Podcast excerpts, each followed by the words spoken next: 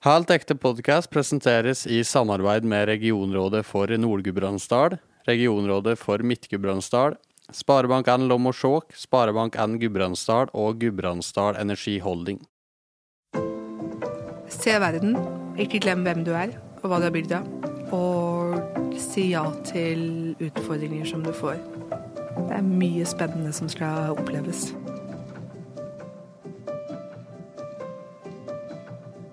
Du hører på Alt ekte med inspirerende gudbrandsdøler.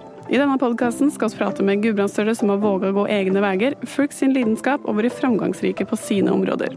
Hos oss vil gjesten dele historier, erfaringer og refleksjoner fra egne liv. Dagens gjest og inspirerende gudbrandsdøl er Laila Bokhari. Laila Bokhari er profilert statsviter, terrorforsker, politiker og forfatter. 49-åringen er tidligere diplomat ved den norske ambassaden i Islamabad i Pakistan. Bokhari var medlem til 22. juli-kommisjonen og var tidligere statssekretær under Erna Solberg og Børge Brende.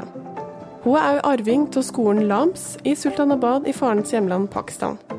Lillehamringen er i dag styreleder i en rekke selskaper, bl.a. stiftelsen Lillehammer museum. I denne samtalen skal vi bl.a. prate om terror, rasisme, røttene til Jotunheimen og hjertesaken den globale retten til utdanning. Laila Bokhari, velkommen til Halvt ekte. Tusen takk. Hvordan har dere om dagen? Vet du hva, Jeg har det veldig fint. Jeg har det veldig bra. Jeg er nettopp tilbake fra høstferie. Da var jeg på roadtrip i Pakistan. Så gøy! Eh, kom tilbake i går kveld, som jeg er litt sånn eh, Ja, eh, hei og hopp, holdt jeg på å si. Så er det fordi at jeg tar med meg ja, masse erfaringer og mange spennende møter. Mm. Ja, Hva er det beste med å reise tilbake dit? Det er jo mitt fars hjemland, så det er, det er Jeg har mange minner. Mange gode venner. Jeg har én onkel igjen på min fars side som jeg er veldig knyttet til. Og jeg ønsket at min datter på åtte skulle ha et minne om den generasjonen. Og når han er 91, så må man um, benytte sjansen man får for å møte, møte den generasjonen. Og det er masse som er spennende med Pakistan. Jeg har jo tilbrakt noe av barndommen min der, og så jobbet jeg senere. Og det er som sagt mitt fars hjemland, så jeg syns liksom at man kommer nærmere han også, da. Som gikk bort noen år siden. Så mm. det er også veldig, ja, veldig sterkt. Mm. Så fint. Eh, hva er det som gir deg energi om dagen, da? Akkurat nå så er det det å sykle i høstværet. Altså solen ned hit, og friske lufta, faktisk. Det, det er det. Det er også um, jobben min og det å hente datteren min på skolen og ja, alle altså de små tingene som man gjør. Du, oss må bli litt bedre kjent med det. Eh, du er jo oppvokst med en pakistansk far og en norsk mor. Eh, og de første åra av barndommen eh, din så greide ikke foreldrene helt å bestemme seg for hvor de skulle bo hen. Eh, så du bodde derfor noen år i tre forskjellige byer. Lillehammer, London og Islamabad. Og det var ikke før du var fem år at familien din slo seg ned på Lillehammer. da. Mm. På hvilken ulike måter de byene forma deg? De tre byene er jo ganske forskjellige. Eh, storbyen London, eh, lille Lillehammer eh, og ja, eksotisk Islamabad, om du vil. Og mm, London var jo et sånt når ikke moren, moren, eller faren min kunne bestemme seg, så ble det London vi falt tilbake på. og Lillehammer er jo en by som Trygge Lillehammer, altså lille Lillehammer, hvor jeg hadde storparten av oppveksten min, barndommen min eh, og skolegangen. Eh, det var jo veldig trygt. Alle kjente alle. Alle visste hvem vi var eh, på Lillehammer. Og, og den tryggheten, den har jeg tenkt mye på etterpå, hvordan den har gitt meg selvtillit. da, Bygd bygd Ja, jeg tror det har gjort noe med karakteren, jeg, det jeg tar med meg. Mm. Og så er jo Pakistan også møte med noe helt annerledes. altså gjennom, gjennom, hele barndommen, det at det var en naturlig del av min oppvekst. Um, det å også reise mellom så ulike ting tror jeg også har formet meg i det at jeg jeg, jeg, tror jeg har en evne til liksom å sette meg inn i andres situasjon. Prøver i hvert fall. Og, og, og, jeg, og, er vant til kontraster. Vant til å se kontraster. Vant til å møte nye mennesker i kontraster. Og så har det gitt meg også selvfølgelig med det at jeg vokste opp med å være på flyttefot hele tiden, så har det gitt meg en noen Jeg elsker å reise. Jeg elsker å se nye ting, bli kjent med nye ting. Um, og, og, det tror jeg at jeg tar det med meg um, gjennom ja, gjennom ja, så tar det med meg i alt jeg gjør, egentlig. Mm. Du har jo en spesiell familiehistorie. Eh, din far eh, Javar Bukhari kom som den aller første pakistaner på Lillehammer fra England på 70-tallet. Eh, og han slet da med å komme oss inn på arbeidsmarkedet til tross for sin høye utdanning. Eh, hvis du liksom tenker tilbake, hvordan opplevde du det? Um, Hva husker du fra den perioden? Ja, jeg husker jo det at jeg, altså min far da, Vi snakket jo engelsk hjemme um, som et felles språk også. Um, og norsk med min mor og norsk med min bror, men norsk og norsk ute. jeg husker jo det at han uh, jeg var veldig nær min far, og, og, og jeg husker han som litt sånn innelåst, om du vil. Litt sånn eh, stille og innelåst i det norske samfunnet. Ehm, hadde ikke de vennene Han fikk det senere, men det tok tid å bli kjent med det norske samfunnet. Eh, han kom jo til Norge fordi han møtte min mor i London, og de kom sammen. Og han hadde jo oss, så familie betød veldig mye for han. Mm. Og etter hvert så så bygde han jo også opp en, altså en bedrift og en arbeidsplass for seg selv. Og, og, og, fikk etter hvert respekt gjennom det. Ehm, jeg tror nok det Så møtet hans med Norge og Lillehammer eh, var vanskelig eh, i starten. Eh, og det tror jeg også har formet meg i det at jeg forstår hva det vil si å være annerledes jeg var jo, sånn, Oppførselen min Jeg kan ikke huske at jeg var annerledes. Um, alle visste hvem min mor var, men min mormor var, for var fra Lillehammer, slekta. ikke sant? Mm. Uh, jeg ble ikke sett på som annerledes sånn som jeg, når jeg ser tilbake, men min far ble sett på som annerledes. Og han møtte nok uh, både rasisme og, og det å ja, være utenfor. Uh, så den ja, den, den den følelsen av det, det, det tar jeg med meg. Og, men så har jeg også sett han, hvordan han har bygd opp en stolthet, hvordan han har bygd seg selv opp, og hvordan han var veldig opptatt av at vi skulle eh, skulle være stolte nordmenn, stolte partistanere, stolte verdensborgere. var han veldig opptatt mm. av. Så om ikke han på en måte fikk det helt til, eh, så var han veldig opptatt av at vi skulle ikke Det skulle være noen begrensninger på det vi skulle få til. Og utfordret oss til å dra til utlandet for å studere, men aldri, aldri glemme hvor vi var fra. At vi er lillehammeringer. At vi var ble Aldri glem eh, den fjellturen eller den, den naturen da, som, er, som, han var veldig glad i. Eh, men husk at verden er din samtidig, Laila. Den kontrasten eh, den, den, den, var han veldig opptatt av å formidle til oss. Og så var han jo også en som var veldig stolt over å være partistaner. Og, og og gjennom oppveksten så var, var det jo han eh, som viste oss også de mest fantastiske stedene i Pakistan. Så når jeg nå kommer tilbake fra høstferie i Pakistan, så, så er det også fordi at jeg det, det, er så mye vakkert han har vist oss, og som vi, som vi bærer med oss. da, uh, og Han sa jo det at uh, du er ikke halvt-halvt, Leila. Du er 100% 100% og du bærer alt dette med deg i din identitet som, som lillehamring eh, med et globalt eh, måte, utsyn. da. Du nevnte jo på det at han eh, etter kort ble en dyktig forretningsmann. Mm. Og begynte med produksjon av fylleryer mm. i Pakistan. Mm. Og dette ble til salgs i både Norge og Sverige. Og så etter kort så grunnla han jo også i 1996 skolen LAMS Laila og Amar School and College for Girls. Og det ble jo livsverket hans. Vil du si litt om det? Ja.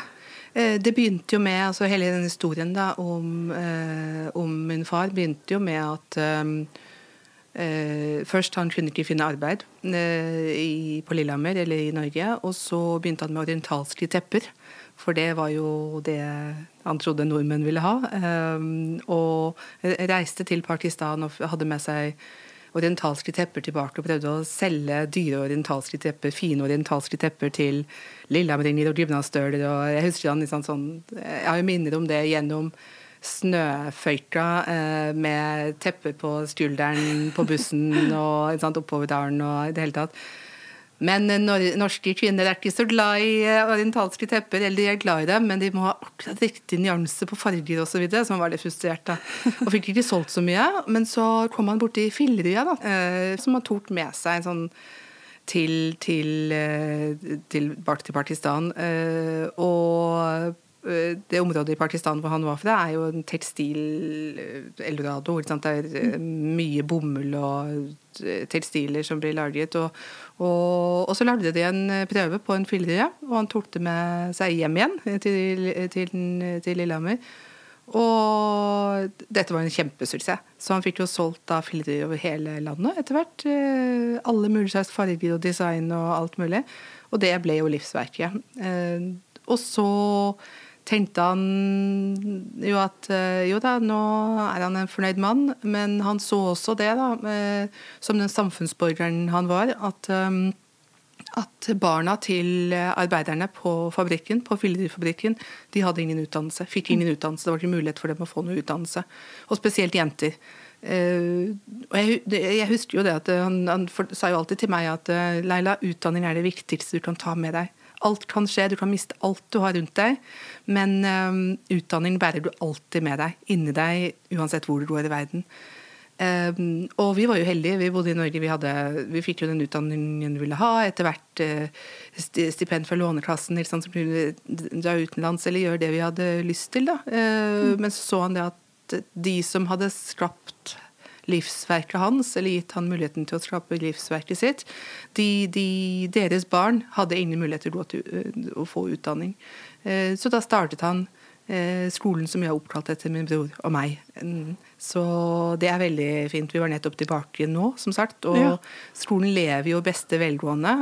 Flere og flere elever. Nå er det tredje generasjon ikke sant, av barn som går på skolen. Ja, eh, og noen av eh, de som har gått ut fra skolen, de er nå lærere på skolen. Og de, mange av de som er uteksaminert, de holder kontakt med, med, med skolen. Og eh, ja, noen av dem har blitt eh, liksom, politi, lærere økonomer, jobber i bank De har liksom skapt en fremtid for seg selv. Da. Mm. Og dette er et område som eh, ligger utenfor den byen som eh, pappa var fra, men, men, men, er en av de fattigste områdene i det området. Og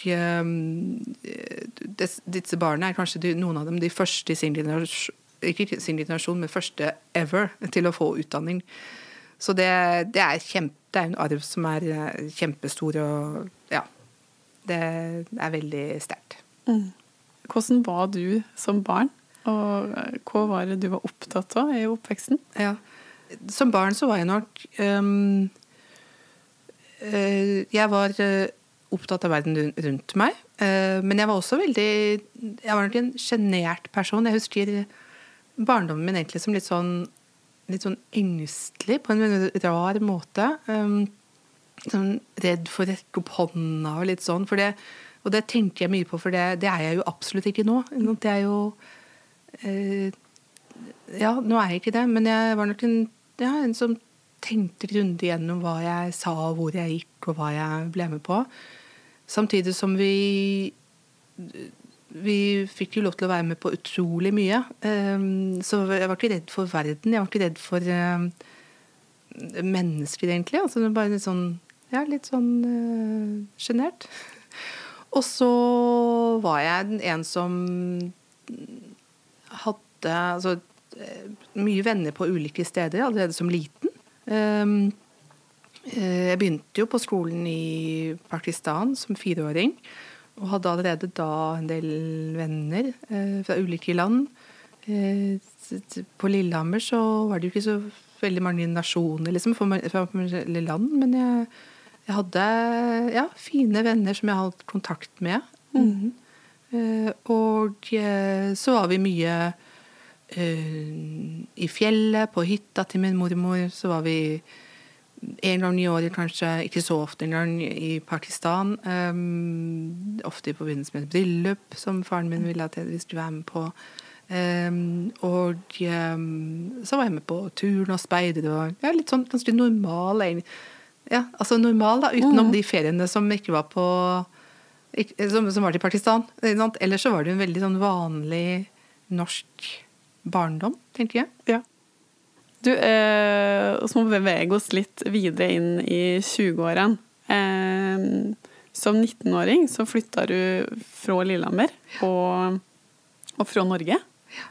Eh, du hadde jo allerede da et internasjonalt blikk. Ja. Eh, hvor gikk veien videre da? Jeg var veldig, jeg var veldig klar, egentlig, for å reise, reise, ut i verden. Hadde planlagt det mm, lenge, at jeg ville til England og studere. Og gjorde det. Kom inn på et universitet i England, studerte internasjonal politikk. Og eh, var der i tre år først. Mm.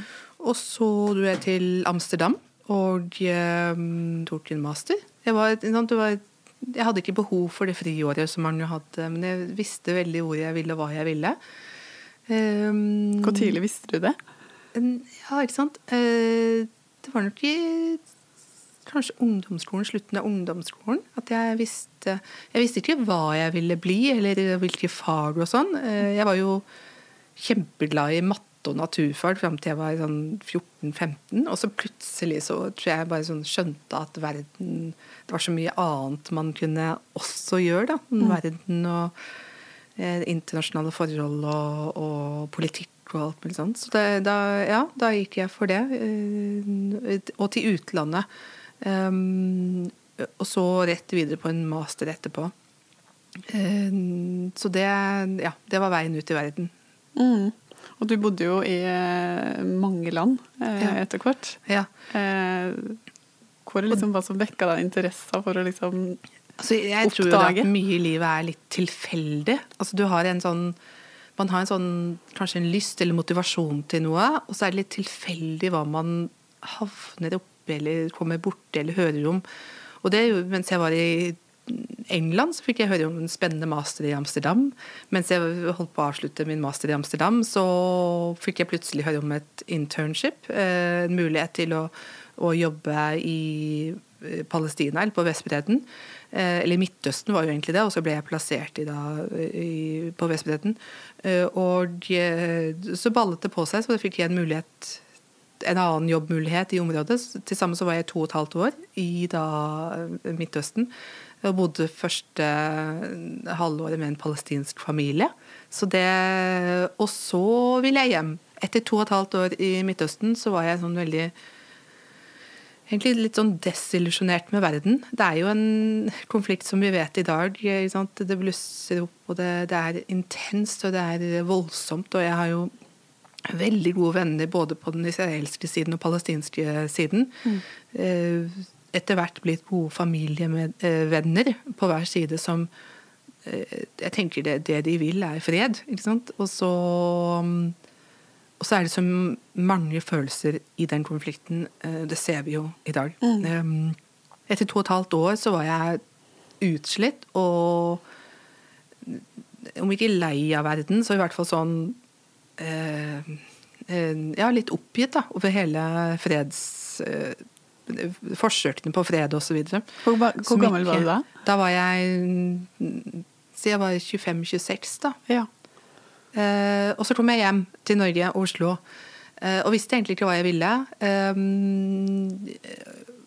og da var jo alt helt annerledes. Det var det stille. Det var eh, ingen konflikter, tilsynelatende. Det var eh, og da begynte jeg liksom sånn Hva er det vi brenner for å jobbe for å leve for i dette landet? Alt er jo så fredelig og flott. ikke sant? Mm. Eh, til forskjell da, liksom fra Midtøsten, hvor jeg hadde vært de siste to, to og et halvt årene. Mm. Um, jeg søkte aspiranttjenesten, utenrikstjenesten, fikk ikke det. Det var liksom flere sånne nei. Første gangen i mitt liv så jeg, fikk jeg nei. ikke sant? Sånn. Hvordan takla du det? Nei, det, det var jeg veldig lei meg for. Jeg syns uh, det var veldig vanskelig å Da ble jeg veldig Ja, igjen litt sånn uh, Og vokste opp med at uh, verden ligger der for dine føtter, og så plutselig får du nei for noe du har veldig, veldig lyst til. Jeg prøvde et par-tre ganger og fikk det ikke.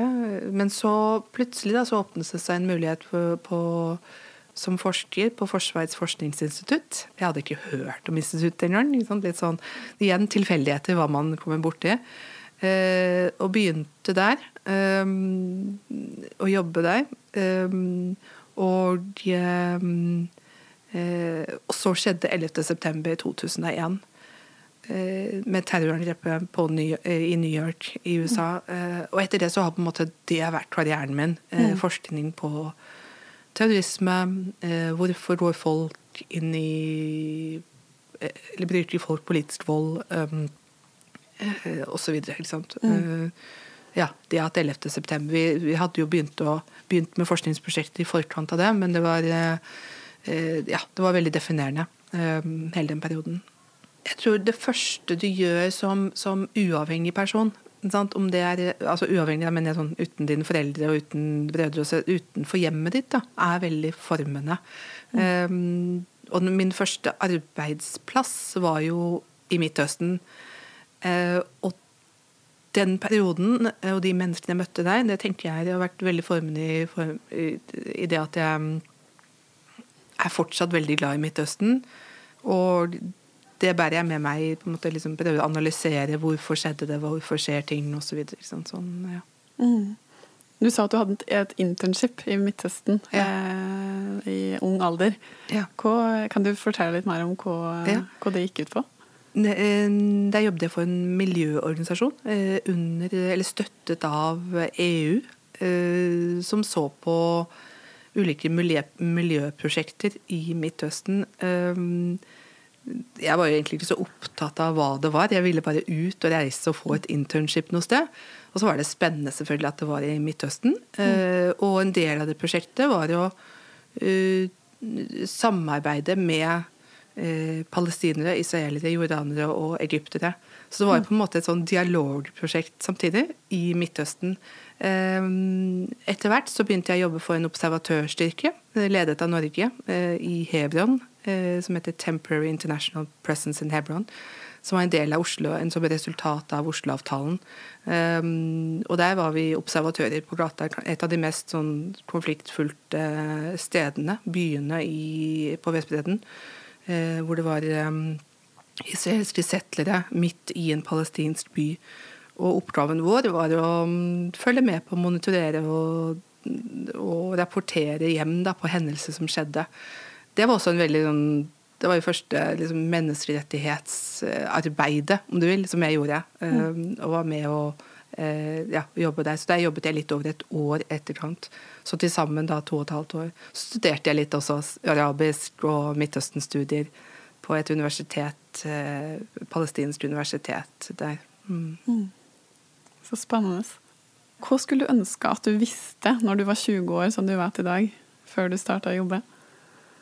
Jeg er jo en som er veldig til stede i alt. Altså jeg er veldig sånn uh, Leve nu, ikke sant. Litt sånn uh,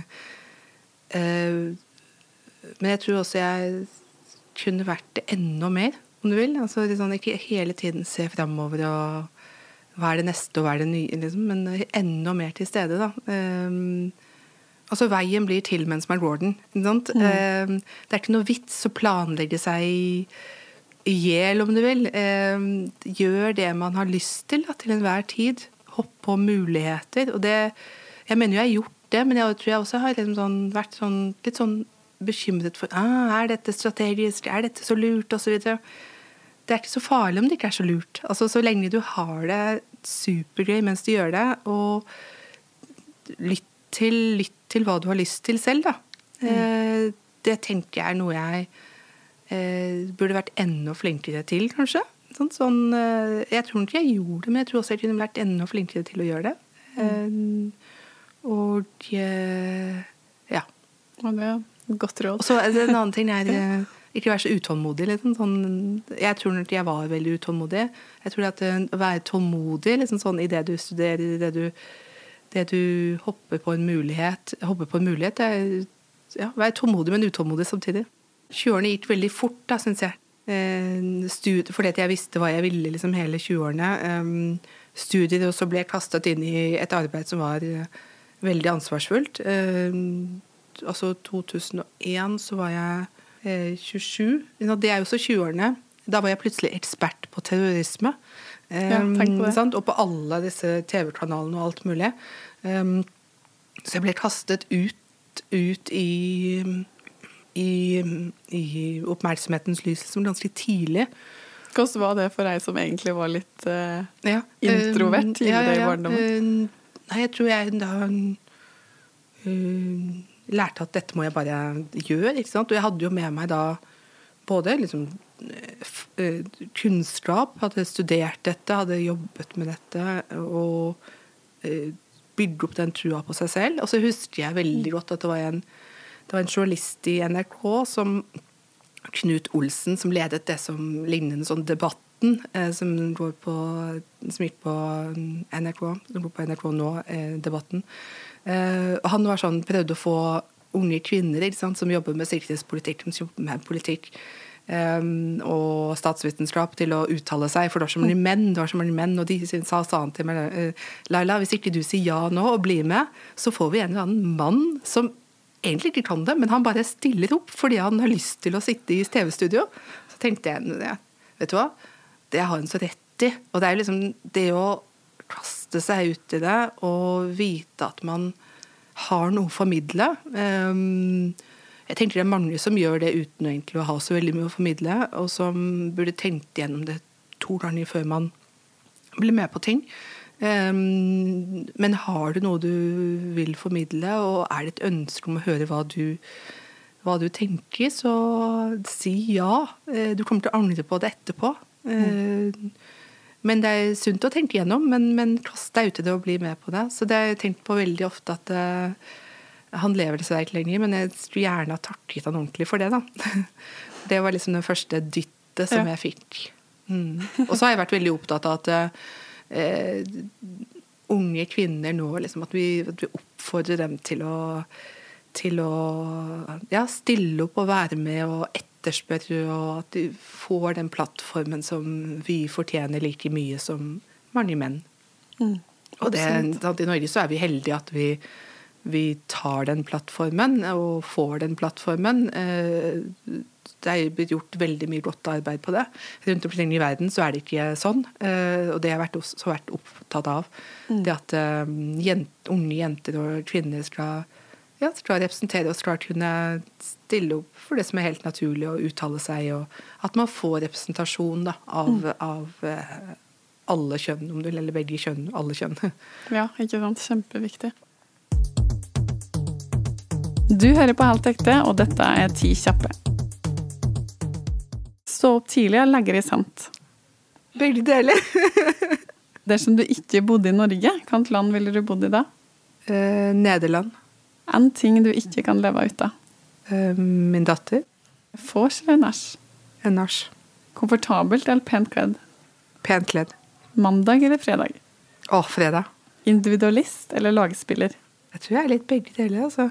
Jeg håper jeg er begge deler. Vin eller øl? Vin. Alltid 20 minutter for tidlig ute eller 10 minutter for sen? Heller tidlig. Favorittplass i Gudbrandsdalen? Meldsjøen, som er fjellet mellom Sjusjøen og Nordseter.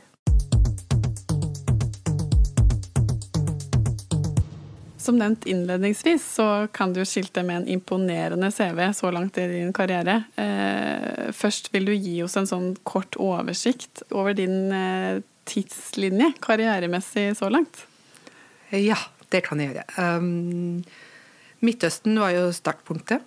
Og så hjem igjen til uh, Forsvaret og Forsvarets forskningsinstitutt. Uh, begynte å studere terrorisme, politisk vold og det har jo definert på en måte hele den karrieren min. Uh, studier på eller eh, arbeid med å forstå sikkerhet, beredskap, terrorisme, terrorister. terrorister. Og det har tatt meg med på veldig mange ulike ting. Jeg har uh, bl.a. også jobbet for OSSE, Organisasjonen for sikkerhet og samarbeid i Europa, uh, da i Warszawa og, uh, og, Wien, og jobbet for FN i New York. Og også da i Genéve, med de samme spørsmålene, egentlig. Litt sånn ulike hatter altså ulike arbeidsplasser, men samme spørsmålene hele veien. Mm. Um, også, og i Utenriksdepartementet senere. Um, i både Afghanistan og Pakistan uh, jobbet med disse spørsmålene hele veien. Uh, det er også definert uh, noen av bokprosjektene mine. Det, hvor jeg ble spurt plutselig har lyst til å skrive en bok om terrorisme. og det gjorde jeg. Det, det, og med det så satte jeg deg ut på en en reise gjennom Afghanistan og Pakistan for å prøve å forstå hvorfor blir folk selvmordsbombere eller terrorister. Um, så det å formidle nettopp den kunnskapen i ulike plattformer og med ulike hatter har på en måte vært den, den uh, karrieren min. Og det var da jeg satt i Islamabad, ved ambassaden i Islamabad i 2011 rett etter 22. Um, juli eh, terrorangrepet eh, i Oslo og på Utøya, at jeg plutselig fikk en telefon med spørsmål vil du være med i 22. juli-kommisjonen. Og det var jo naturlig for meg å si ja, for dette jeg hadde jobbet med disse spørsmålene gjennom hele min karriere. Eh, da i ja, over ti år. Og, og, og, og reiste da hjem igjen for å gjøre det. Um, og det, det, var igjen en veldig sånn definerende, for da fikk jeg være med i altså et enormt viktig og historisk arbeid. Uh, det å sitte i 22. juli-kommisjonen. Det var Plutselig var det at mitt felt, terrorisme, ble en veldig nært. Jeg hadde jo studert og jobbet med å prøve å forstå terrorisme ute. Om det var i Midtøsten, om det var i Pakistan, Afghanistan, om det var i Europa. Plutselig så var det en av oss, en nordmann, som, som, eh, som, som hadde utført et terrorangrep. Um, og ikke minst også var det, så var det jo unge mennesker, noen av de Så jeg kjente foreldrene til noen av de det var, det var, Og det var på steder jeg hadde vært, og, og, og, veldig nært. Og plutselig ble det å analysere sitt eget samfunn, da, og hva er det som har skjedd med oss. Det ble, og det året opplevde jeg som veldig meningsfullt, veldig vanskelig, men også kjempeviktig. Og har tatt med meg det arbeidet også senere. Og jobbet jo lenge med å formidle hva er det vi 22. juli-kommisjonen kom fram til. Um, og, og, og, tar det med meg nå også i det arbeidet jeg gjør. Um, og så uh, hun rett etter at jeg var ferdig med det, eller en liten periode etterpå, så, så ringte da plutselig Erna Solberg til meg eh, som ny statsminister. Hun skulle forme en regjering, og jeg ble spurt om å være statssekretær for henne. Mm. Så igjen litt, litt, tilfeldig, men det er på en måte en rød tråd med, med det å forstå terrorisme, sikkerhetsspørsmål, trygghetsspørsmål. Alltid med ønske om hvordan bygger vi et trygt samfunn liksom, rundt oss. Politikken var helt ny for meg. Eh, jeg var ny i politikken. Eh, men fikk lov til å bruke det samfunnsengasjementet mitt. Fikk lov til å jobbe med en av de beste sjefene jeg har hatt. Eh, var ny i Høyre, var ny i politikken. Ble kastet inn i måte den nasjonale scene, da, sånn med politikk og sånn, og det var voldsomt. Plutselig så var jeg ikke journalisters eh, eh, hva skal jeg si, favoritt lenger. Nå skulle de ta meg. Det var veldig uvant i begynnelsen. Fordi før så var jeg brukt mye som ekspertkommentator, og så blir man da plutselig en som skal tas på ting. Så fikk jeg da min datter, som også har vært liksom veldig sånn Selvfølgelig Eh, for, formene, da, den perioden der. Um, og så kom jeg tilbake som statssekretær, da i Utenriksdepartementet. Mm. Og ett og et halvt år i Utenriksdepartementet, hvor jeg reiste verden rundt som statssekretær. Også veldig, veldig spennende. Og da med sånn en jente på ett år, to år, ett år. Uh, og, um, og, samtidig en av de mest spennende jobbene jeg har hatt. Var, de årene der var kjempespennende og voldsomt å tenke tilbake på. Um, og så er det jo sånn da i politikken at man plutselig så er man ikke med lenger. Og uh, det kom en ny, ny, utenriksminister, og jeg var da ferdig som statssekretær. Um, for første gang i mitt liv så tror jeg jeg ante ikke hva jeg skulle gjøre. Sto der helt nesten litt sånn på bar bakke hadde med meg supermasse erfaring. Uh, jeg hadde gjort mye spennende, og plutselig så ante jeg ikke hvilken vei jeg skulle gå. Um, og lette nok litt og søkte litt forskjellig og visste liksom ikke hvor og hva og fram og tilbake og litt sånn. Uh, og så åpnet det da seg en mulighet til å ta etterutdanning i USA. Uh, og søkte på et stipend og fikk muligheten til å, til da reise til Harvard og Boston ett år Eh, med min lille datter. Eh, og det var helt rått. Eh, tenke tilbake på å ta en master på ett år med en liten datter og være alenemamma i USA. Men råkult. Kjempekult. Igjen kast Altså ta mulighetene, gripe mulighetene når du får dem. Og det fikk jeg da. Og møtte altså studenter, medstudenter fra hele verden med fantastiske bakgrunner. Um, mange som, Noen som i dag, eh, to-tre av dem, som jeg er godt kjent med, stiller i dag som presidentkandidater liksom, rundt omkring i verden. Eh, de har liksom kjente navn og vært med på kjempemye spennende. Eh, så det er liksom en sånn erfaring som jeg også tar med meg. Men jeg var jo tydelig på det, at jeg ville hjem igjen etterpå. Eh, ikke minst for å redde et forhold. Så transatlantiske forhold er ikke så lett eh, når én bor i USA og én bor i Norge. Mm. Så da kom jeg hjem igjen. Ikke med halen mellom beina, men i hvert fall sånn eh, for at, for at man kunne ha et normalt liv i Norge. Mm. Uh, og ja, og kom og landet litt i Oslo. Mm. Uh, og det, det, er jeg veldig glad for i dag. Um, og jeg hadde da i en periode ulike styreverv osv. som jeg tok med meg. Og var veldig, det var en veldig spennende sånn landingsperiode på den måten. Uh, men så nå siste to årene har jeg jobbet for Yara International, privat bedrift. Um, stor norsk og internasjonal uh, bedrift. Uh, som er kjempespennende å jobbe for. Jeg tror jo det at det, igjen, privat næringsliv, helt nytt for meg. Jeg tror at man skal prøve mye forskjellig. Um, ja. og gjøre mye forskjellig. Og hoppe ut i mye forskjellig. Og bli kjent med de, ulike mulighetene. Mm. mm. Det spennende er litt av en eh, karrierevei. Ja. ja. Og så er det ikke over ennå. Nei. Før du var diplomat, så satt du som en del av FNs sikkerhetsråds sanksjonskomité, også kjent som Al Qaida Taliban monitoreringsteam. Eh, hva var det dette her innebar? Etter 11.9.2001 eh, så ble en rekke terrorister satt på en sanksjonsliste. FN hadde to lister. Hadde lister over folk som er medlem av Taliban, og folk som er medlemmer av Al Qaida. Eh, som betød at man sto man på den listen, så kunne man ikke reise. Kunne man ikke, mm, kunne man ikke kjøpe ting, kunne man ikke eie ting osv. Det var en sanksjonsliste. Og det vi gjorde i den jobben, var jo å finne ut uh, hva er utviklingen på Al Qaida og Taliban. Hvordan uh, jobber land med å forebygge terrorisme. Hvordan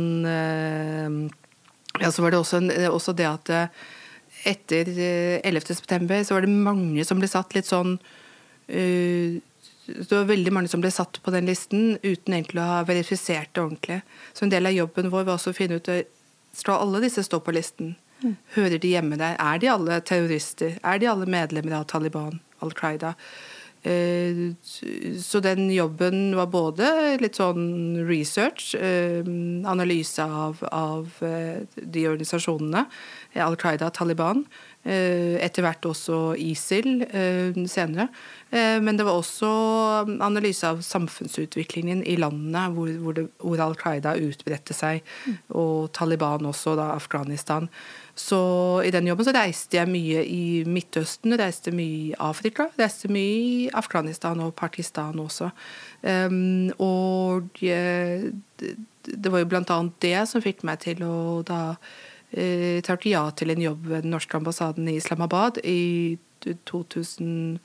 2009 eh, og reiste nedover til, til, Pakistan for å være der som en del av diplomatkorpset, men som med da spesielt fokus på på sikkerhetspolitikk og terrorisme og radikalisering i området. Fordi at man, Pakistan var kjent som et arnested mm. for terrorister.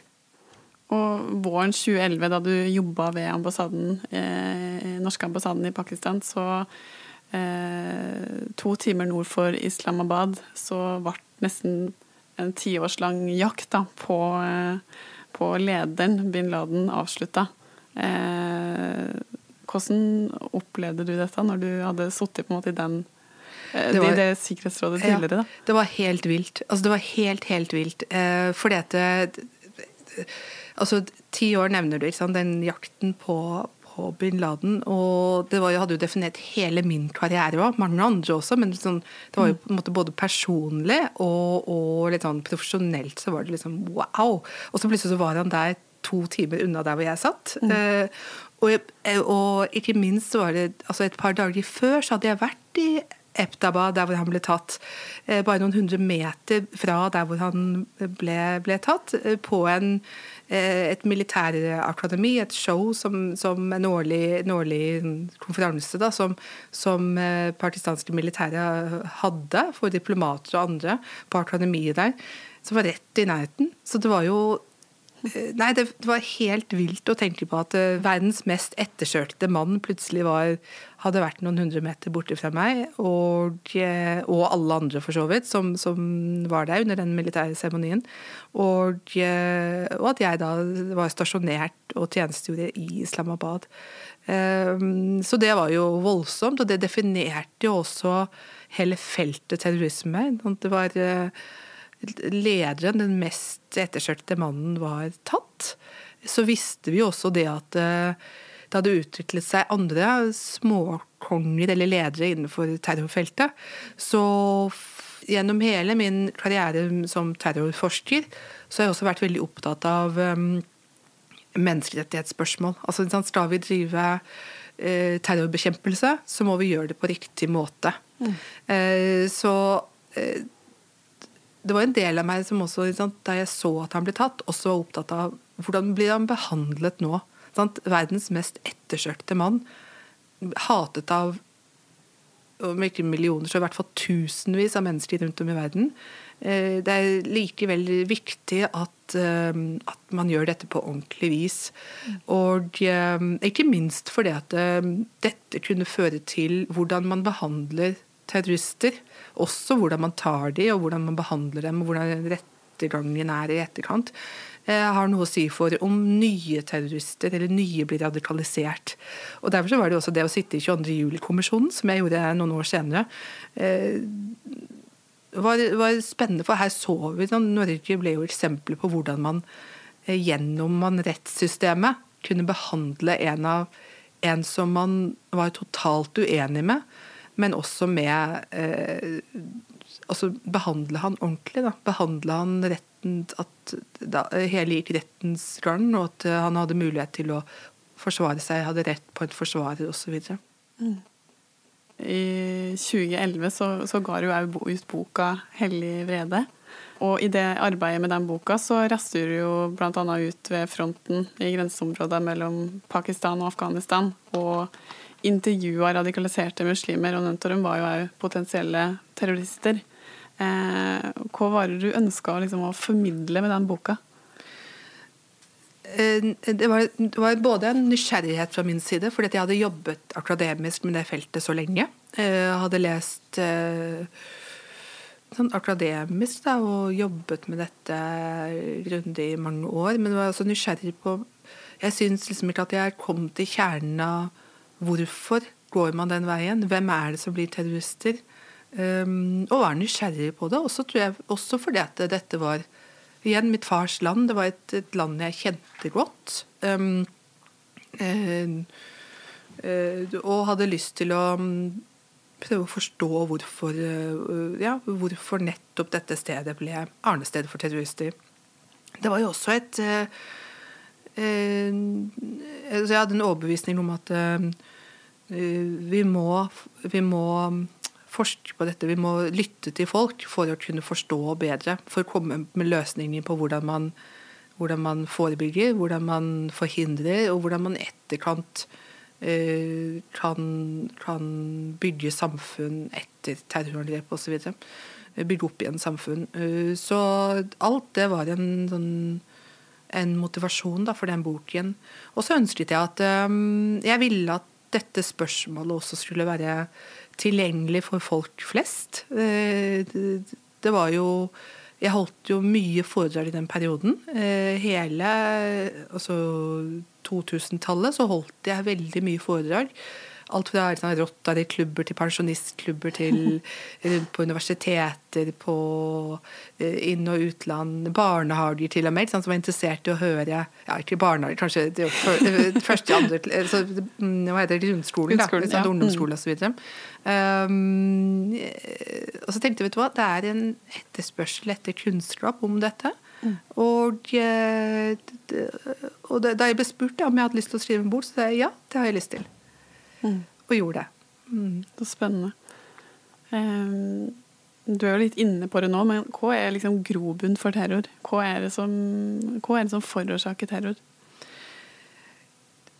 Det er, veldig, det er jo sammensatt. Man snakker jo om desillusjonert ungdom, eller personer som ikke helt vet hva de skal gjøre, hvor de vil hen. Eh, Kanskje føler jeg at uh, livet Man får ikke den utdanningen man har lyst til. Man får ikke mulighet til å få en jobb. Uh, man har en politisk overbevisning om et annet samfunn. Det er en blanding av ulike faktorer.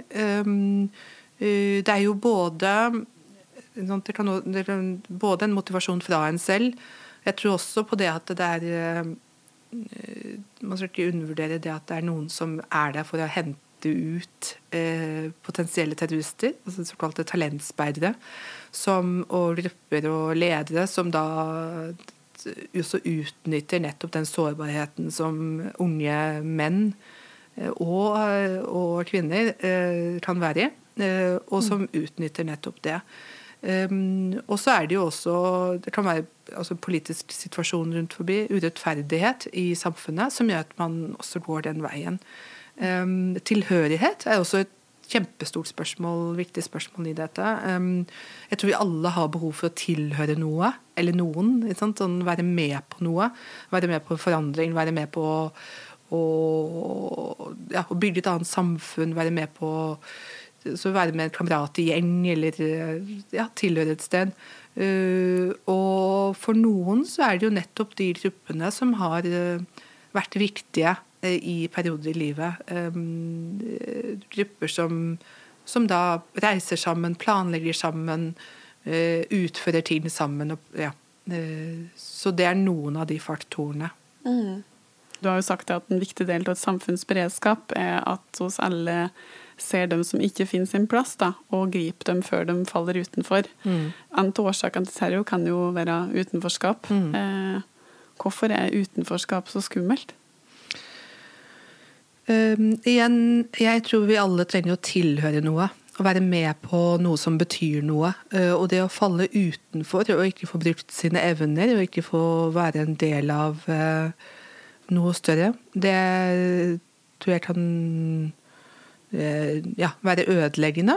Um, og det gjør også det at man ikke får vært med på en utvikling av seg selv, og utvikling av, får utfoldt seg selv og får ikke vært med på en utvikling i samfunnet. Mm. Så når jeg, når jeg, sier det at um, vi har alle et ansvar, så tenker jeg at vi, vi kan alle se rundt oss. Da. Er det noen som, faller utenpå på skolen man går på? Er det noen som faller utenfor på arbeidsplassen? Er det noen som, som ikke føler at de hører helt hjemme? Å være med på Ikke at vi skal være nabokjerringer, sånn, men, men, at vi skal ja, eh, passe på hverandre. Da. Det høres veldig naivt ut, men jeg tror det ligger um, en sannhet i det at vi, vi må ja, se nærmere på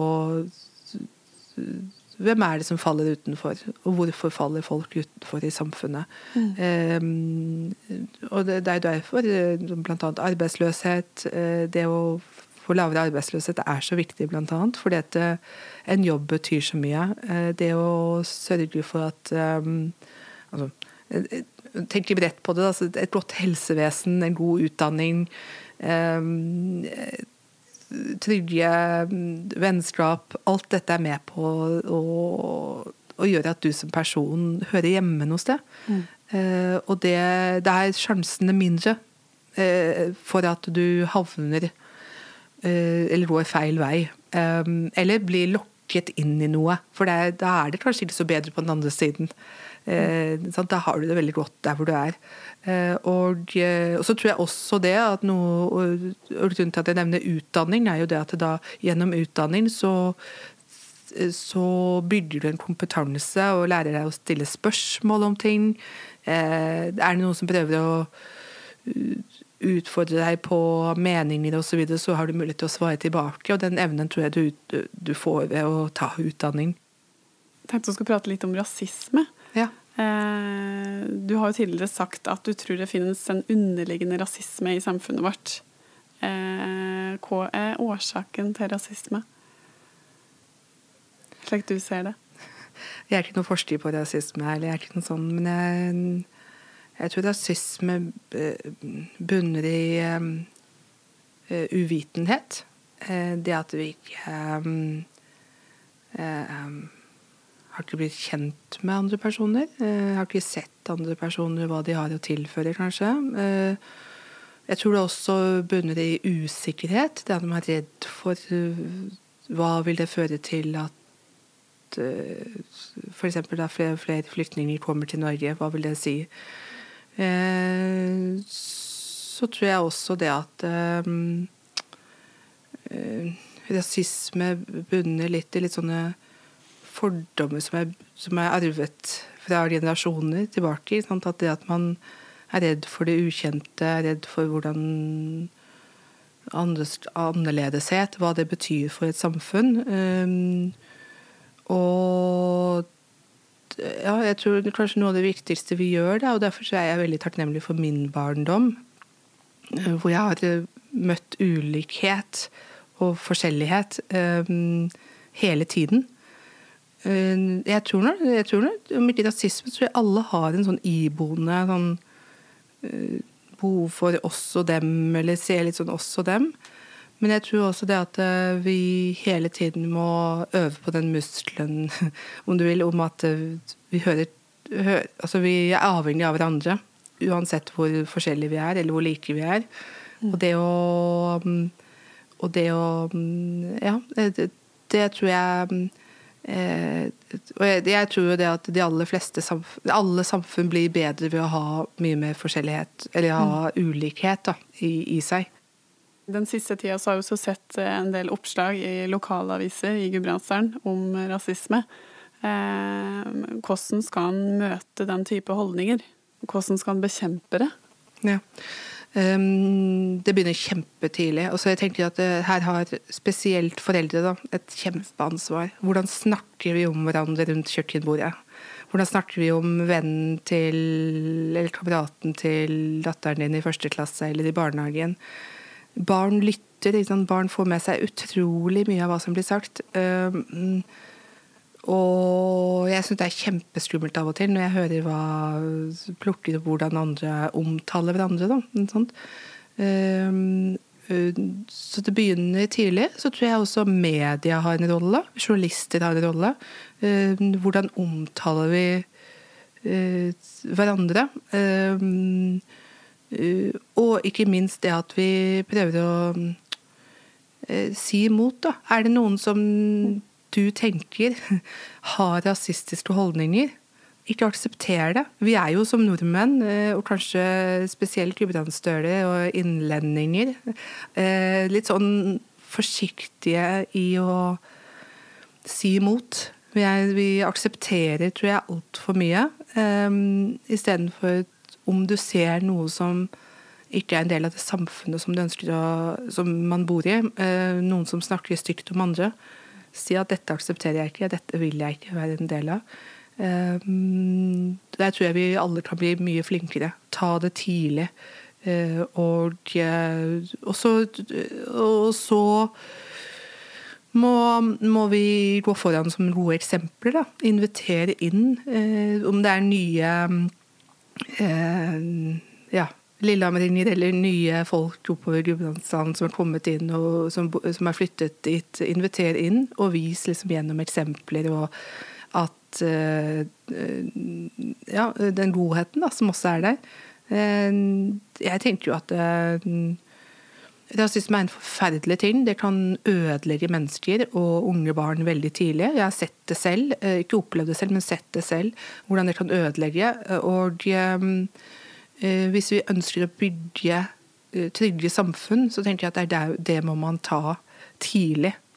Og jobbe med de fordommene. Og der har foreldre, lærere, folk med makt eh, journalister, politikere, eh, kjempe, et kjempeansvar. Men også hver av oss, hver og en av oss som samfunnsborgere har et kjempeansvar å si ifra hvis vi opplever noe. Du har ikke opplevd det sjøl, men du har sett eh, hvordan det påvirker andre. Da. Hvordan eh, har det vært for din del da, å være politisk aktiv eh, dame med et utenlandsk etternavn? Mm. Såpass um, tidlig, da. Ja. Um, det er jo en kjensgjerning at uh, en rekke unge politikere, og spesielt kvinnelige politikere, uh, er mer utsatt. Um, politikere også med minoritetsbakgrunn eller innvandrerbakgrunn er mer utsatt. Um, jeg har aldri opplevd noe som er veldig ubehagelig, men jeg har fått kommentarer. Og det er i sosiale medier osv. Med, med da kommentarer om Kom deg hjem dit du hører hjemme, eller hvorfor uttaler du deg om det? Eh, hvorfor Ja, ikke sant. Eh, og uten å gå i detaljer om det, så tenker jeg at det er veldig ødeleggende for politikken og for samfunnet. Det vi mister, er kjempegode kandidater. Folk unge kandidater som har lyst til å være engasjert i politikken, som tenker seg om to ganger og kanskje ikke har lyst til å være med videre. Som tenker at dette gidder jeg ikke. Dette har jeg ikke lyst til å være med videre på. Vår generasjon da, de har jo vokst opp i en relativt fredelig verden, eh, og nå opplever jo Europa den største krigen siden andre verdenskrig. Og Israel erklærte krig mot Hamas etter lørdagens forferdelige terrorangrep. Eh, og i Sverige så er vi også vitne til vold og kriminalitet Skandinavia ikke har sett make til tidligere. Eh, hvorfor opplever vi stadig økende konfliktnivå? Og tenker du at eh, er det grunn til å være bekymra for det som skjer rundt oss? Eh, jeg er bekymra. Altså jeg tenker at det, det, er voldsomt, det som skjer nå. Det, er krig i Europa. Midtøsten er i brann. Altså det er sterke følelser der. Ehm, det er ehm, økende polarisering i samfunnet. Det er eh, vanskelig debattklima, som jeg var inne på i sted. Ehm, det er mange sånne faktorer som, som, eh, som, eh, som gjør at det er ubehagelig å leve, om du vil. Jeg er jo på en måte bygget sånn at jeg tenker det positive, jeg prøver å tenke og se det positive i alt, liksom. Men, det, men, jeg tenker at nå er det veldig utfordrende. Og det er jo også fordi at du har ledere som ikke evner og som ikke vet hvordan man skal håndtere situasjonen nå. Eh, institusjoner som ikke greier å svare til forventningene om å løse konflikter. ikke sant? Eh, eh, politikere som sliter her hjemme. Eh, det hjelper jo ikke når man får eh, saker som de siste tiden i norsk politikk, hvor lederne som man skal se opp til eh, og ha tillit til og trua på håpet om, om, at det skal lede oss gjennom en krise og konflikt, at de også svikter, på en måte. Um, jeg tror allikevel at i hvert fall samfunn som Norge, vi er eh, bygd så solid. Vi har et sånn lim som er veldig viktig. Vi har et vel velferdssamfunn. Vi har utdannede, godt utdannede mennesker. Vi har ja, så mye da, som, som, vi har å bygge på. Uh, så så um, så vi har grunnpilarene i det som skal til for å få et samfunn til å gå videre. Det som bekymrer meg, er de samfunn som ikke har de samme mm, pilarene, og som ikke har den sterke velferdsmodellen. Eh, land hvor folk vil falle utenfor fordi at ting blir eh, dyrere. Eh, fordi at folk mister jobber. Fordi at krig og konflikt fører til at folk må flykte. Økt migrasjon osv. Så videre, sånn at flere og flere faller utenfor. Og, og, nå sier ikke jeg at vi får jeg tror ikke vi, altså, Om vi får mer terrorisme, eller mer, sånn, så tror jeg vi får mer ustabilitet. Og det tror jeg vil prege måtte, generasjonen noen tid, en tid, en viss tid framover. Med ustabilitet. Um, Hvordan opplevde du at nordmenn stiller seg til verdens problemer? Vi er et utadvendt samfunn, mener jeg. Um, så er det noen som mener at vi er alt for ser altfor mye innover. Det tenker jeg Begge deler er veldig bra. da. Vi skal vite hva vi Jeg tror altså virkelig at vi må Vi skal vite hvem vi er for å kunne se utover. Mm. Um, å vite hva man er glad i, hva man er trygg på, uh, hvor man er vokst opp, uh, hva man tilhører. Uh, gjør man det, så har man en evne til å se utover og være med på å hjelpe, hjelpe verden, om du vil, men også bidra eh, internasjonalt. Jeg tenker at vi er et ganske sånn åpent og utadvendt land. Men jeg ser jo også det at vi, vi har tendenser til å også være mest opptatt av vårt eget. Det tenker jeg er helt naturlig. Ehm, vi må bare passe på at eh, det ikke blir for mye av det litt sånn opp imot det som skjer i Midtøsten nå, hva er din eh, rolle i Yara? Jeg, eh, altså I Yara så, så, dekker jeg Asia og Afrika. eh, Yara er jo en internasjonal bedrift eh, over hele verden. Eh, og har har um, operasjoner, eller er engasjert uh, mange steder i verden. Jeg har Asia-Afrika på da sikkerhet- og beredskapssiden. Så jeg følger med på hvordan ting utvikler seg i de områdene. Hva slags trusler som er mot Yara. Hvordan, man, hvordan, man, kan håndtere det. Men selvfølgelig, altså både krigen i Ukraina og, og, og ting som skjer i Midtøsten, følger vi med på, fordi det har noe med verdensutviklingen generelt, og hvordan markedene utvikler seg. Så, mm, så, det blir jo på en måte indirekte en del av den jobben man gjør. Mm. Mm. Eh, du har jo stor bredde og kontrast i dine engasjement. Det blir kanskje litt, nesten litt lett å si engasjement, bare. Du er jo så djupt inni ting. Men eh, et eksempel er jo at du har vært kommentator i GD på et tidspunkt. Ja. Litt eh, ja. lenger bak i din karriere. Eh, og i motsetning til å sitte i et FN-utvalg, da. Eh, og det må jo være noe fellestrekk i de drivkreftene dine, da. Hva, hva vil du si er drivkrafta di? Um, drivkraften min er nok det å um, altså bygge trygge, gode samfunn. At vi alle kan bidra med å være med på å skape nettopp gode samfunn. Eh, og etter å ha blitt mor selv, så er jeg veldig opptatt av at vi skal gjøre det vi kan for at samfunnet vårt skal være så ok som mulig å leve i for neste generasjon også. Eh, og det er nok drivkraften min. Mm. Og så syns jeg det er veldig mye spennende å være engasjert i. altså, ja, livet er veldig kult, liksom. Altså, det er så mye man kan være med på, og få lov til å være med på. Mm. Uh, og det um, Ja, og det er nok grunnen til at jeg sier ja til veldig mye. Da. har lyst til å være med på mye. Jeg har den energien som syns det er veldig morsomt å være med på ting. Mm. Uh, ja.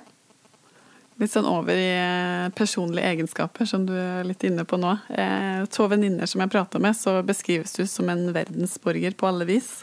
Eh, du er gjennomført internasjonal og en nettverksbygger av rang. Eh, med en egen evne til å samle folk, eh, sa de. Og de beskriver deg som bl.a. raus, løsningsorientert, ekstremt glad i folk, livsglad, inkluderende, boblete og morsom. Eh, hun har hele spekteret. Oi. Ja.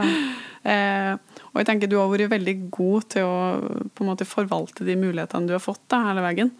Eh, kan personlige egenskaper mener du har vært avgjørende for det for at du har lykkes så godt som det du har gjort? da? Jeg tror nok det at jeg eh, har en iboende litt sånn vilje til å få til ting. Til å vise at jeg får til, til ting. Eh, jeg Det at jeg er glad i mennesker, tror jeg også er en fordel. Det å ikke være redd for å kontakte mennesker hvis man lurer på noe, eller eh, Ja, eller ser mennesker og ser hva de kan bidra med inn uh, i et prosjekt eller inn i en For å få til en løsning.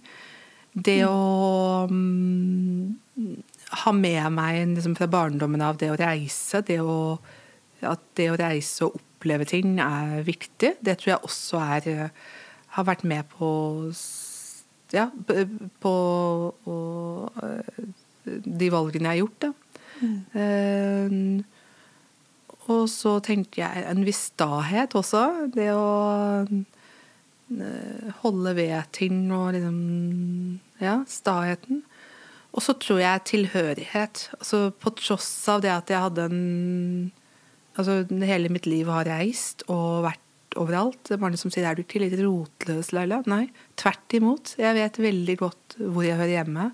Mm. Jeg er veldig glad i ja, Lillehammer og Gudbrandsdalen, eller Lillehammer, som jo er eh, mest hjemme, pleier jeg å si, av alle stedene hvor jeg har bodd og så videre. Og det tenker jeg den, den tilhørigheten har gjort at jeg kan, kan, kan, se enda lenger utover og være med på enda mer. Og, og um, ja, og har det med meg hele tiden. Mm. Hva er det viktigste du har tatt med deg fra Gudbrandsdalen ut i verden? Som en internasjonal verdensborger? Det viktigste jeg hadde med meg forrige uke til Pakistan, det var eh, fysisk en brunost. For min onkel på 91, som er eh, pakistaner, han elsker norsk brunost. Ehm, så jeg håper jo at uh, Gudbrandsdalsosten fortsatt blir laget på, i Gudbrandsdalen. Ja. og Ja, nei, det var det beste. Det var litt sånn. Men, men ja, det var det fysiske. Um, jeg tar med meg tror jeg, er både den forsiktigheten som jeg tenker Gudbrandsdøler har. Um, den Altså det å være veldig glad i naturen, tenker jeg også jeg tar med meg. Eh, altså både, Jeg sa forsiktighet, men jeg mener også en forsiktighet og trygghet samtidig. Altså du mm. har den Det tror jeg definerer eh, oss litt. da. Mm. Og så tror jeg jeg må si det som Lillehammer så tenker jeg også Lillehammer er en verdensby på mange måter. Altså Lillehammer er, Du har Nansen-skolen, og du har, hadde OL på Lillehammer. Du har eh, Bjørnsons hjem, Aulestad, og du har Silje Undsets Bjerkebekk, og du har Maihaugen, og du har alle disse tingene. Du har et kunstmuseum som er av internasjonal størrelse. Um, og det er en studentby. Og det å vokse opp i en sånn by gjør også det at uh, Jo, jeg tror det internasjonale også kom inn gjennom det. Uh, så det tar jeg med meg uh, oppover. Jeg hadde jo vokst opp i altså vokst opp Alle sommerferiene mine var i, på en hytte i Jotunheimen. Så det å gå i fjellet er også noe som jeg som jeg virkelig tar med meg og lengter tilbake eh, når jeg ikke er der. Ehm, så mm, ja. Kjempestort fylke, men eh, og med masse fine ting i seg. Mm. I dag er du styreleder i stiftelsen Lillehammer museum. Eh, hvorfor er kunst og kultur så viktig for deg? Fordi det er, eh, det er en viktig del av identitet. Hva hva viser vi fram? Hvem er vi? Um, Eh, både gjennom kunst, gjennom gamle bygninger, som på Maihaugen, gjennom eh, ja, hjemmene til Sigrid Undset og um, Bjørnstein Bjørnson. Gjennom musikk og, og, fortellinger og litteratur. Altså alt dette handler om hvem vi er. Og det tenker jeg er noe som er veldig viktig å gi videre til neste generasjon. Um, men også viktig å vise frem for andre hva man har. Hva er det du tar med deg da, som en uh, internasjonal verdensborger tilbake til Lillehammer, eller til dalen? Jeg viser at en, en uh, jente fra Lillehammer også kan dra ut i verden og, tilbake, og fortsatt holde ved røttene sine og være veldig stolt av det å komme tilbake og gå i fjellet. Jeg tror jeg, det er viktig for meg, fordi jeg ikke hadde så mange rollemodeller når jeg var liten. Eh, at jeg kan gjøre det jeg kan for å bidra til at andre kanskje velger de samme tingene som jeg har gjort, eller eh, ser at um, uh, verden er også utenfor uh, Lillehammer og Gudbrandsdalen. Men det betyr ikke at du ikke tar det med deg, og mm. kan også komme tilbake og returnere om du ønsker det. Mm. Um, og jeg tror jeg også tar med meg jeg tar med meg nettverk, jeg tar med meg engasjement, jeg tar med meg um, ja, litt om hvordan, hvordan, man løser ting i utlandet. Um, så sitter jeg ikke til daglig så nært så nært at jeg har noe å si sånn, sånn i det ulike, men jeg tror jo det å ja, det, det, er viktig for meg å holde kontakten hjemover til mm. Lillehammer og til Gudbrandsdalen, for dette det, det det er en veldig stor del av meg. Det er en viktig del av meg. Mm. Eh, du nevnte litt på det med rollemodeller, eh, og at du ikke hadde så mange av dem gjennom oppveksten. Hvem var det som var ekstra viktig for deg? Eh, faren min var veldig viktig. Mm. Um, han, han, sa jo det at alt er mulig, Laila. Ja. Alt er mulig, Laila sa han. Hva er det det gjør med en person? Det gjør at du får, har et pågangsmot som som man tar med seg. Det er jo også en, en viss selvtillit. Um, så hadde jeg samtidig en uh, Ja, han sa, han sa um, alt er mulig, men han sa også det ikke stol på noen, Laila. Fordi at han visste hvordan verden kan være. Uh, mens min mor fra Lillehammer sa 'stol på alle, Laila'. Ja. For det er liksom den norske ja, litt sånn norske naiviteten, tror jeg.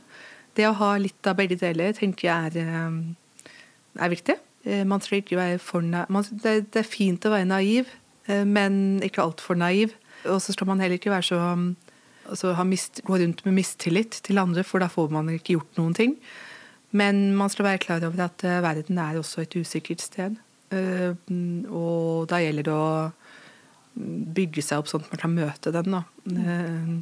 Og jeg tror at det jeg har med meg i bagasjen fra nettopp Lillehammer og omegn, er, er jo noe av det som har gjort at jeg har kunnet møte verden som jeg har.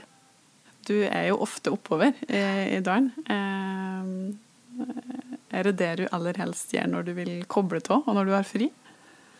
Ja. Det jeg aller helst vil gjøre, er å være ute i naturen. Mm.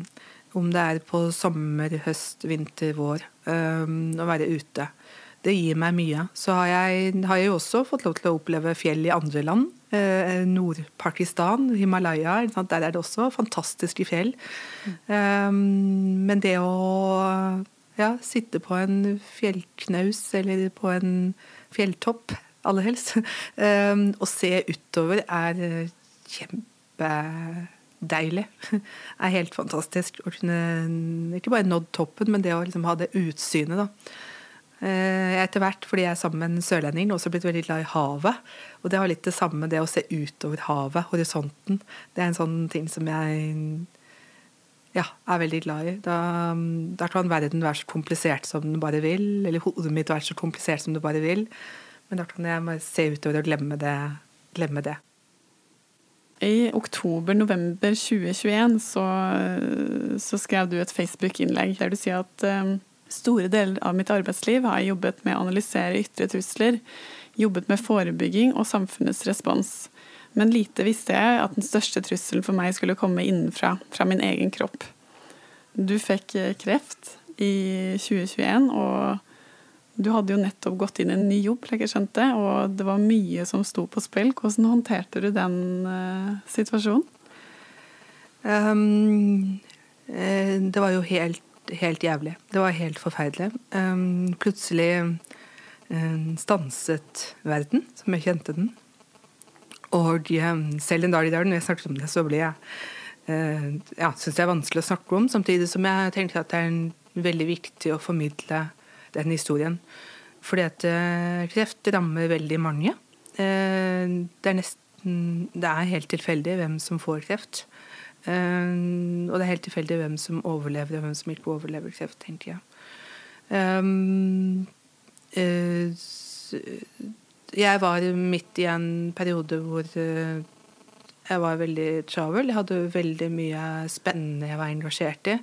Um, hadde en liten datter på seks år. Um, og um, stor energi. Jeg, merket, ingen, jeg merket ingen, det var ingenting som tilsa at jeg hadde kreft. Som ved en tilfeldighet så ble det oppdaget, uh, og verden raste sammen. Um, det å få en beskjed om en altså nesten en dødsdom, da, som jo det å få en kreft er um, uh, altså, En ting er at jeg unner jo ingen å oppleve det. Uh, en annen ting er at man aner ikke hvordan man skal håndtere det. Aldri opp, altså, de fleste, heldigvis, har aldri opplevd noe sånn før man får den beskjeden. Man har kanskje hørt om familiemedlemmer, øh, andre venner Det er jo etter hvert en veldig utbredt sykdom, øh, dessverre. Men verden raser sammen. Og, og, og, det er en jungel der ute som du skal prøve å forstå. Eh, og, eh, og, alt er usikkert. Alle planer du har lagt, alle drømmer du har. Um, for meg selv, for, for en selv, men også for andre rundt den, for de nærmeste. Alt er usikkert. Og jeg har jo jobbet med usikkerhet hele livet. Jobbet med hvordan håndtere, jobbe med kartlegging, jobbe med å forstå og forske på og prøve å komme ut av det og tenke løsninger. Plutselig blir det helt svart. Man aner ikke, man aner ikke hvem man skal spørre, hvem osv. Så, eh, så har vi heldigvis et fantastisk helsevesen i dette landet. Um, jeg visste vi hadde et godt helsevesen. Jeg ante ikke at vi hadde et så godt helsevesen med fantastiske mennesker som jobber i det helsevesenet. Kanskje har jeg vært heldig, eh, men jeg har møtt, eh, eh, møtt helt fantastiske mennesker som, som, som var alfa og mega akkurat i den perioden. Og kjempeviktige støttepartnere, personer rundt meg, og folk jeg kunne spørre om det skulle være noe. Mm. Um, og så møter jeg også den indre kraften som jeg tror vi mennesker har når vi opplever noe sånn helt fryktelig. Altså den, den ønsket om å leve. Ønsket om at um, det er så mye mer jeg har lyst til å gjøre. Det er så mye flere år jeg har lyst til å leve og være med. Det er så mange Kanskje det viktigste, det er så mange år til jeg har lyst til å være mamma. Det har fortsatt så mye livskraft og har lyst til å leve, og lyst, så mye man har lyst til å være med på fortsatt. Um, det gir jo en uh, driv, Det er jo en drivkraft, det, da. Og en mm. styrke i det. Jeg tenker, Da blir man testet. Hva er det man er lagd av? Hva er det man har med seg? Og hva slags mennesker har man med seg som man um, Som er med på å um, gjøre hverdagen enklere. Mm. Men um, Eh, jeg begynte jo fort på behandling eh, på cellegift og gjennom en operasjon som slo meg i bakken.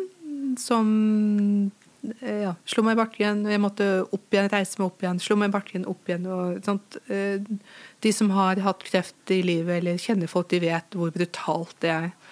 Um, og har man først fått kreft, så tror jeg man alltid lever med den usikkerheten.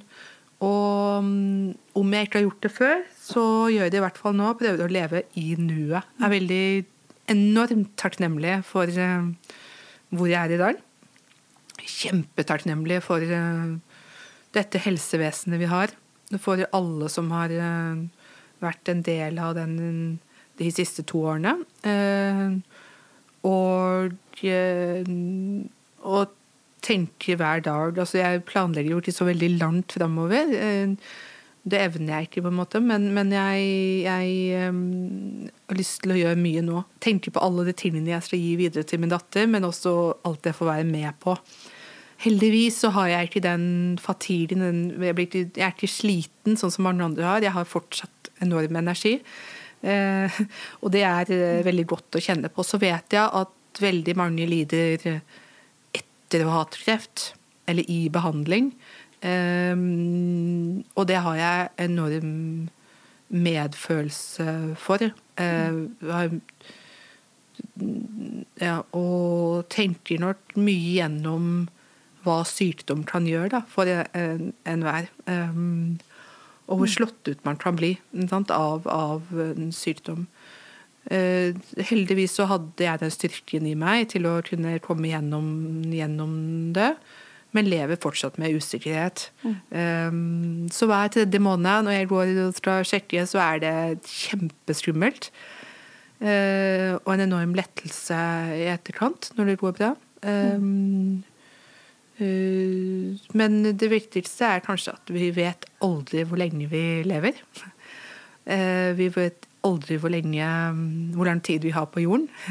Det er veldig sånn det er jo alvorlig, og det skal det være. Eh, og vi skal være takknemlige for eh, ja, hver dag vi har, da. Mm. Og gjøre det beste ut av det, det vi, den tiden vi har. Eh, og det prøver jeg å gjøre. Mm. Takk for at du deler det. Det er veldig, veldig sterkt å høre. Du har jo møtt enormt mange mennesker gjennom eh, ditt 49 år gamle liv. Eh, hvem er den mest inspirerende personen du har møtt så langt, og hvorfor?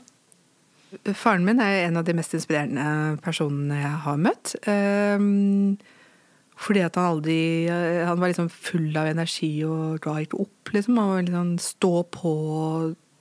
Han var høyt og lavt, snakket likt til alle og var Jeg var også en verdensborger. Um, og så har jeg jo møtt veldig mange sånn internasjonalt sånne som, som, også har vært inspirerende på mange måter. Men eh, altså, Det høres litt banalt ut, men jeg tenker også min datter er en av de mest inspirerende folkene jeg har møtt. Da. Også fordi å se verden gjennom en, et barn er um, Og det er jo henne som barnet jeg kjenner best. Eh,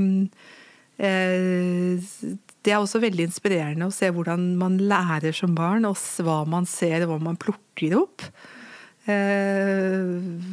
Eh, og hvor åpne barn kan være for emosjoner. Sånn når man blir lei seg, når man blir sint, når man blir eh, glad. Og hvor sånn enorm kjærlighet et barn kan vise. Da.